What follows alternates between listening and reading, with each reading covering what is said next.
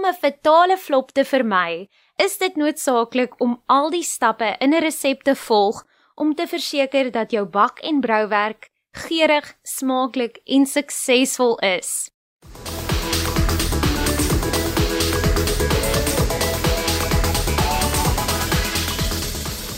Goeienaand en welkom by Kompas hier op RSG. Ek is Marley van der Merwe en dis vir my 'n voorreg om vir die volgende paar minute weer saam met jou te kuier. As jy dalk bang is dat jou verbruikerstudie eksamen 'n groot flop gaan wees, moenie bekommerd wees nie, want vanaand gee Maritza Tron vir jou al die stappe in die resep om te verseker dat jou verbruikerstudie eksamen suksesvol sal wees.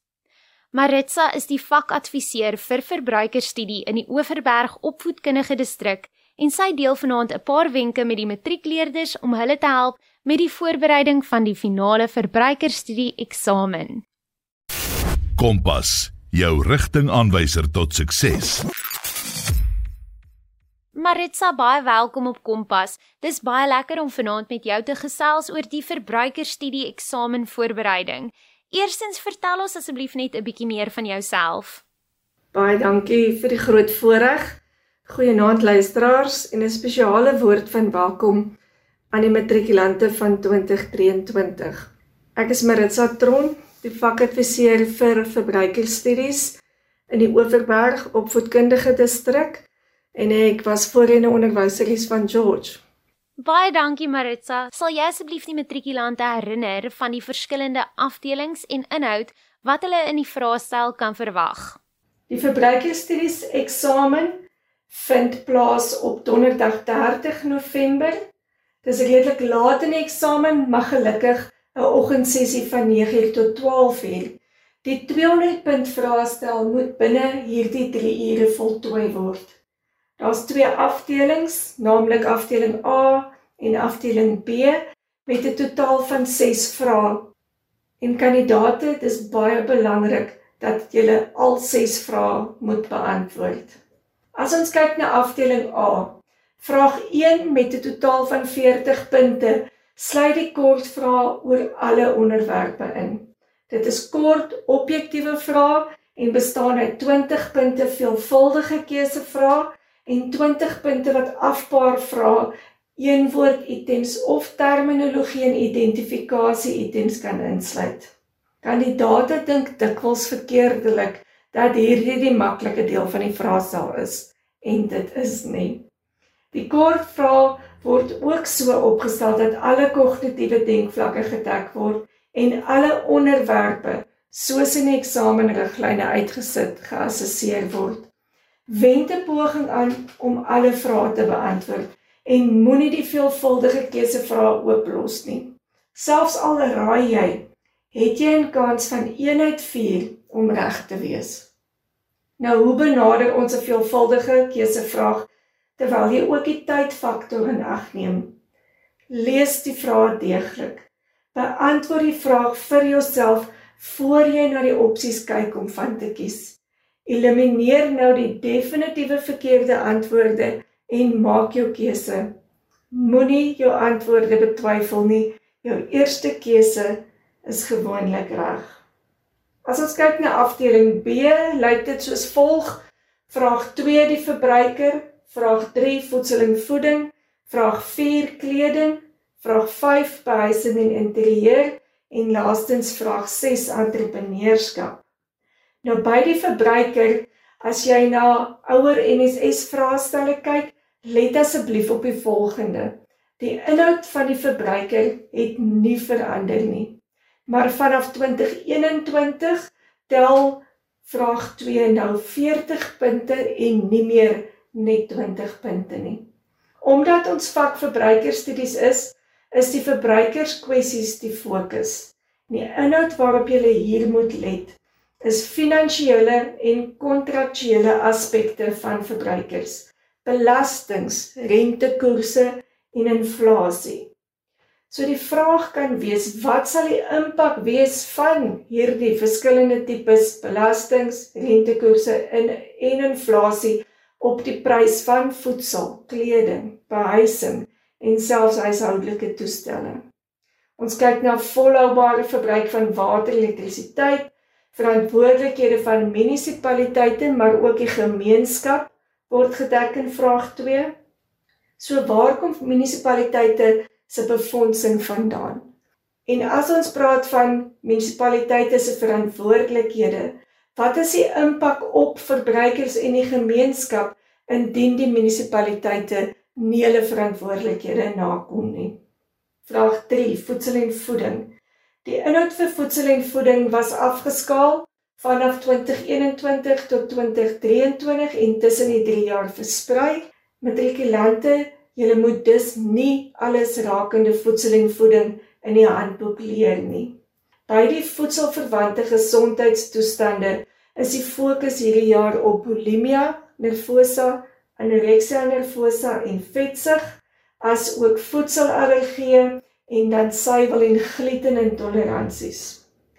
Kandidate moet hierdie dieetverwante toestande, gesondheidstoestande kan beskryf, die oorsake van die gesondheidsverwante toestande kan noem, identifiseer of verduidelik nadat hy um, inligting uit 'n scenario of uittreksel gelees het Kandidate moet kan verduidelik hoe elke toestand moontlik voorkom of bestuur kan word met die fokus op voeding en eetgewoontes. Daar kan ook moontlik gevra word dat jy veranderinge aan 'n die dieet voorstel om die siekte te bestuur. En hier is die grondslag wat in graad 11 gelees baie belangrik. Wat onthou jy van die funksie van proteïene, koolhidrate en lipiede in die liggaam?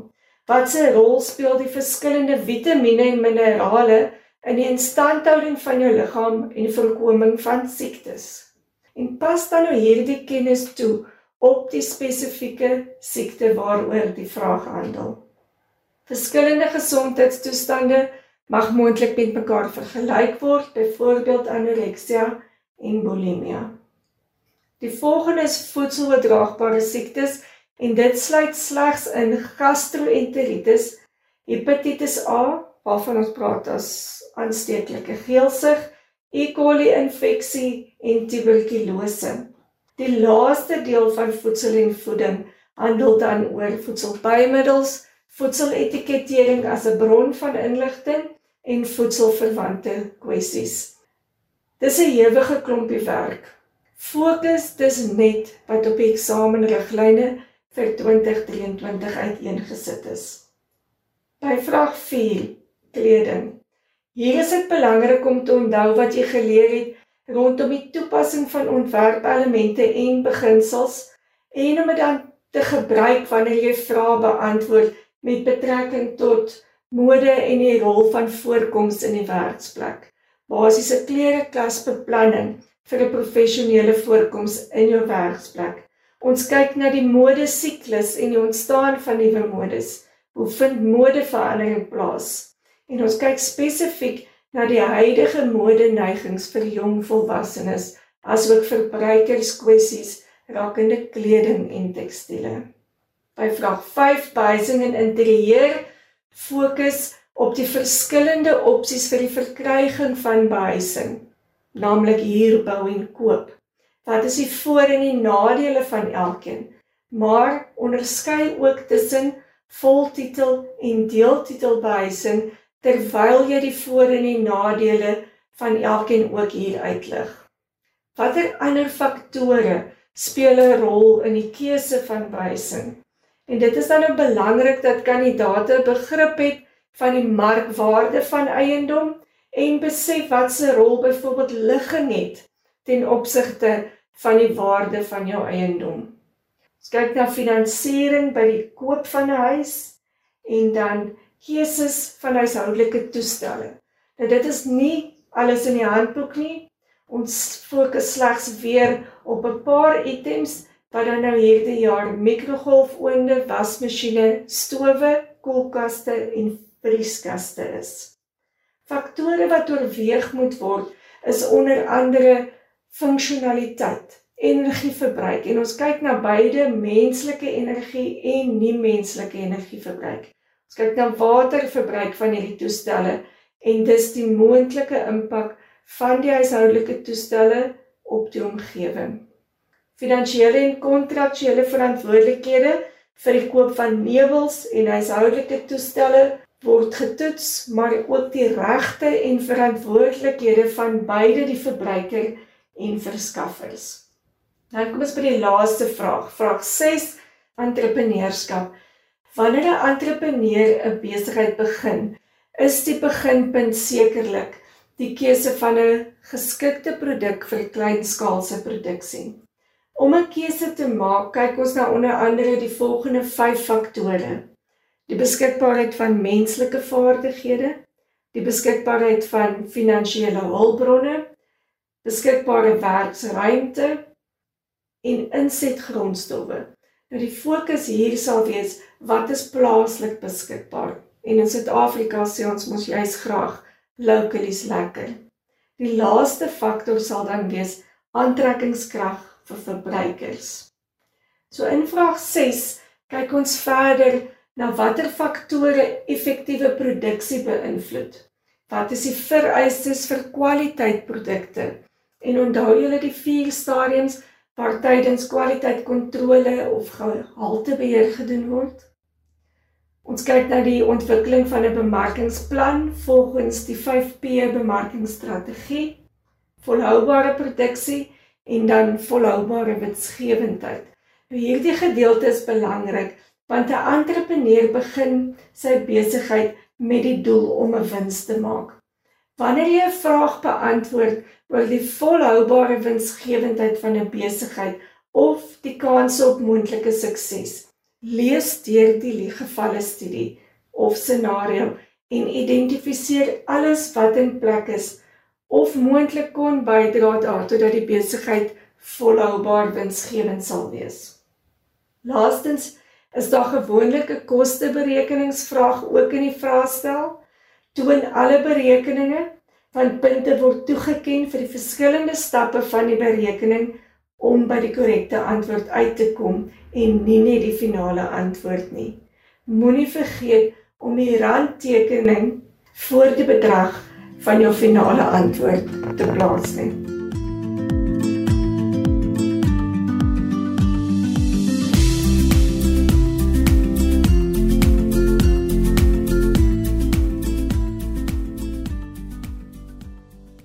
Jy luister na Kompas op RSG en jy kuier saam met my, Marley van der Merwe. Onthou ons is ook beskikbaar op die DStv audiokanaal 813 en OpenView kanaal 615. Vanaand bied verbruikerstudie vakadviseur Maritsa Tron ondersteuning aan die graad 12 leerders ter voorbereiding van die finale verbruikerstudie eksamen.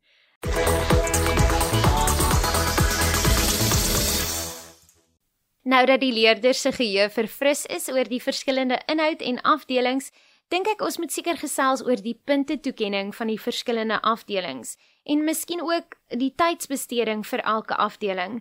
Watter raad het jy aan die leerders met betrekking tot dit? 'n Goeie riglyn of voorstel is 1 minuut per punt, behalwe by vraag 1 waar die leerders die veelvuldige keusevrae moet beantwoord. So vraag 1 wat ook 40 punte tel, laat vir jouself 20 minute toe. By vraag 2, 3 en 6 wat 40 punte elk tel, laat 40 minute per vraag toe.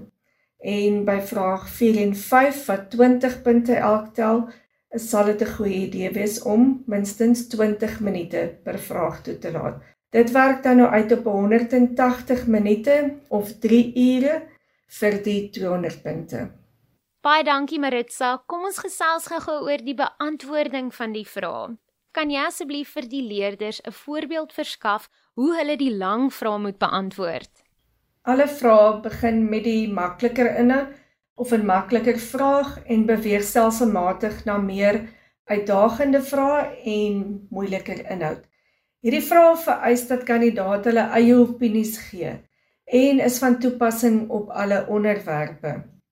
Dit begin tipies met 'n aksiewerkwoord wat 'n duidelike instruksie gee oor wat vereis word as die verwagte antwoord. Byvoorbeeld gee jou mening, verduidelik waarom, bespreek, analiseer of evalueer.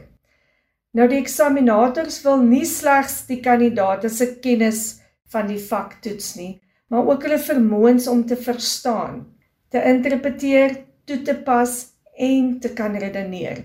Dis waarom kandidaate dikwels gevra word om te verduidelik of om hulle antwoorde te motiveer. By die langer tipe vrae, kyk eerstens na die punte toekenning en verseker dat jy genoegsame inligting verskaf om jou punte te verseker. Skryf in volsinne. Ek het altyd vir die leerders in my klas gesê, wanneer jy 'n vraag beantwoord, neem aan die persoon aan wie jy jou antwoord terug. Met ander woorde, in hierdie geval die eksaminator het geen kennis van die vak nie. Dat hy of sy geen idee het waarvan jy praat nie. So maak seker jy druk jouself duidelik uit. Indien jy vroeg klaar is, lees weer deur jou antwoorde en maak aanpassings indien nodig.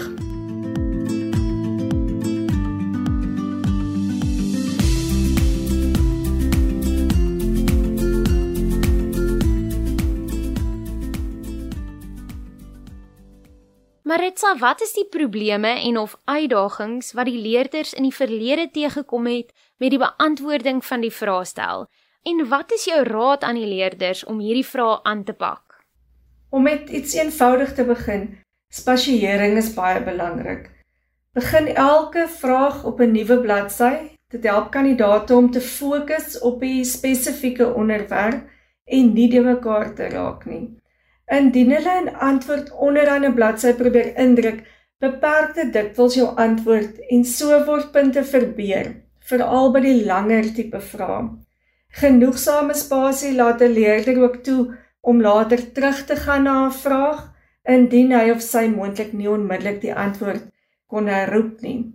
Veral by vraag 1 sal kandidaate dikwels nie eens poog om 'n vraag te beantwoord nie. Ek wil leerders weer eens aanmoedig om te alle tye te probeer om elke vraag te beantwoord.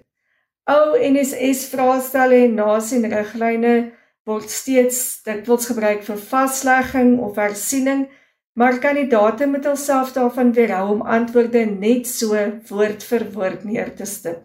Lees die vraag mooi en maak seker jy beantwoord wat gevra word. Vra uit 'n vorige jaar se vraestel sal nooit net so gebruik word nie en dis sal 'n antwoord uit 'n vorige nasienriglyn ook nie net so van toepassing wees nie. By beide die verbruiker en voedsel en voeding sukkel leerders soms om die inligting wat onderrig word toe te pas op 'n scenario wat gegee word. By die verbruiker is dit veral die repo koers, inflasie en rentekoerse wat 'n probleem is terwyl ander kandidate weer sukkel met die toepassing van inligting wat gegee word op die spesifieke dieetverwante siektes by voedsel en voeding. Hierdie vaardigheid moet ingeoefen word, nie net deur leerders nie, maar dit moet ook in die klaskamer deur opvoeders gesteun word deur gebruik te maak van relevante gebeure en scenario's te skep waarmee leerders op hierdie oomblik hulself nou kan vereenselwig. Dis baie belangrik dat die kandidaate onthou dat beide die dieetverwante siektes vir 2023 slegs voedselallergie, laktose en glutenintoleransie, anoreksia, bulimia en vetsug onderrig en assesseer sal word.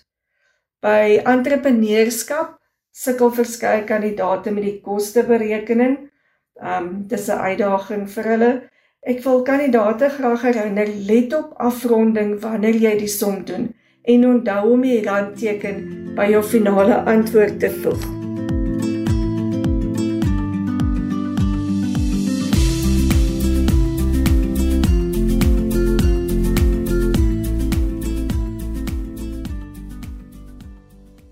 Jy's ingeskakel op Kompas net hier op RSG Ek is Marley van der Merwe en vanaand gesels ek met verbruikerstudies vakadviseur Maritsa Tron. Jy is meer as welkom om saam met ons te gesels. Deel gerus jou gedagtes op die SMS-lyn 45889 teen R1.50.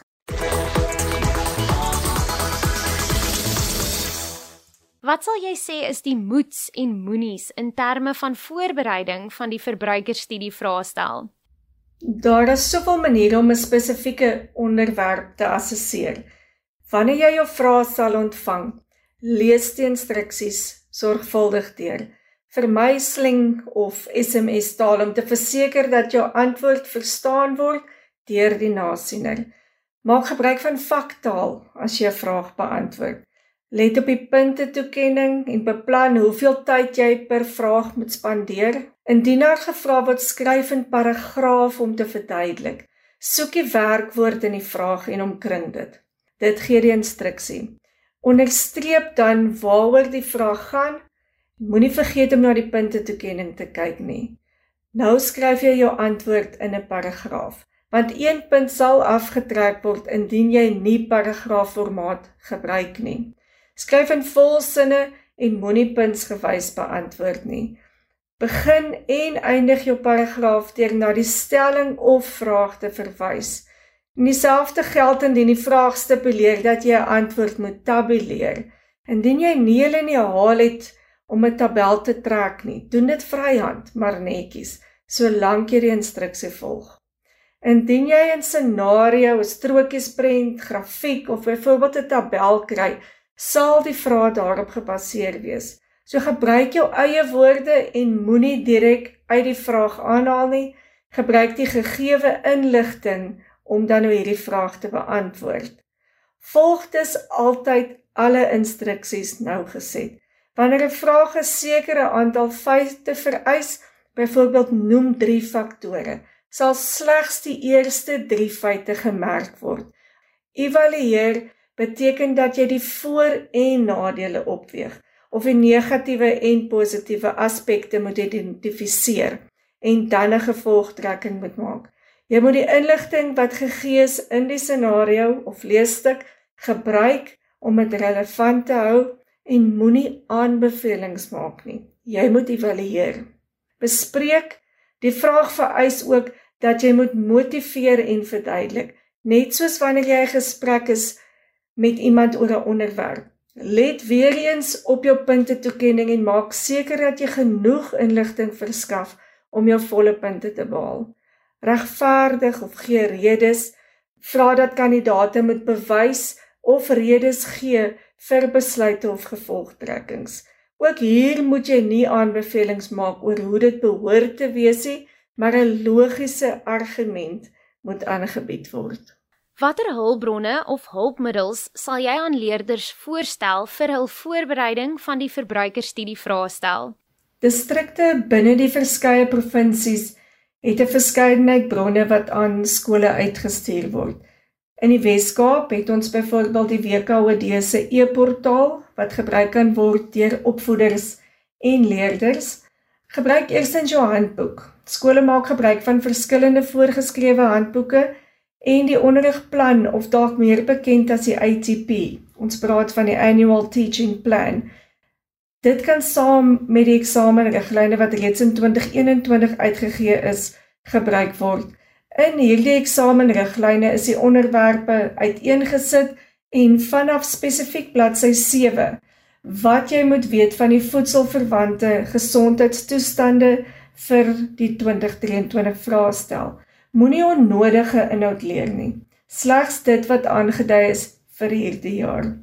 Vorige jare se NSS vraestelle kan gebruik word as bronne om jou kennis te toets en so raak kandidaate dan nou meer bekend van die eksamenformaat van 'n vraestel en die wyse waarop vrae gestel word.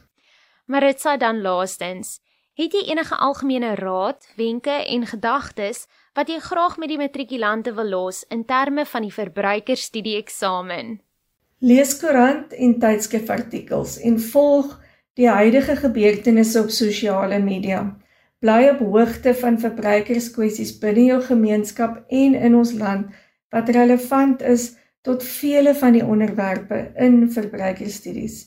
Eksamenvoorbereiding en hersiening is so belangrik om sukses te behaal tydens die nasionale senior sertifikaat eksamen. Hierdie sertifikaat gee jou toegang tot verskeie naskoolse geleenthede afhangend van die kwaliteit van jou matriekuitslae.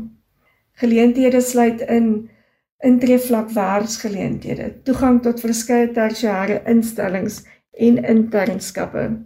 So aan die kandidate van 2023, alle voorspoed met die nasionale senior sertifikaat eksamen en met die beantwoording van die verbruikerstudies vraestel. Mag julle elkeen suksesvol wees.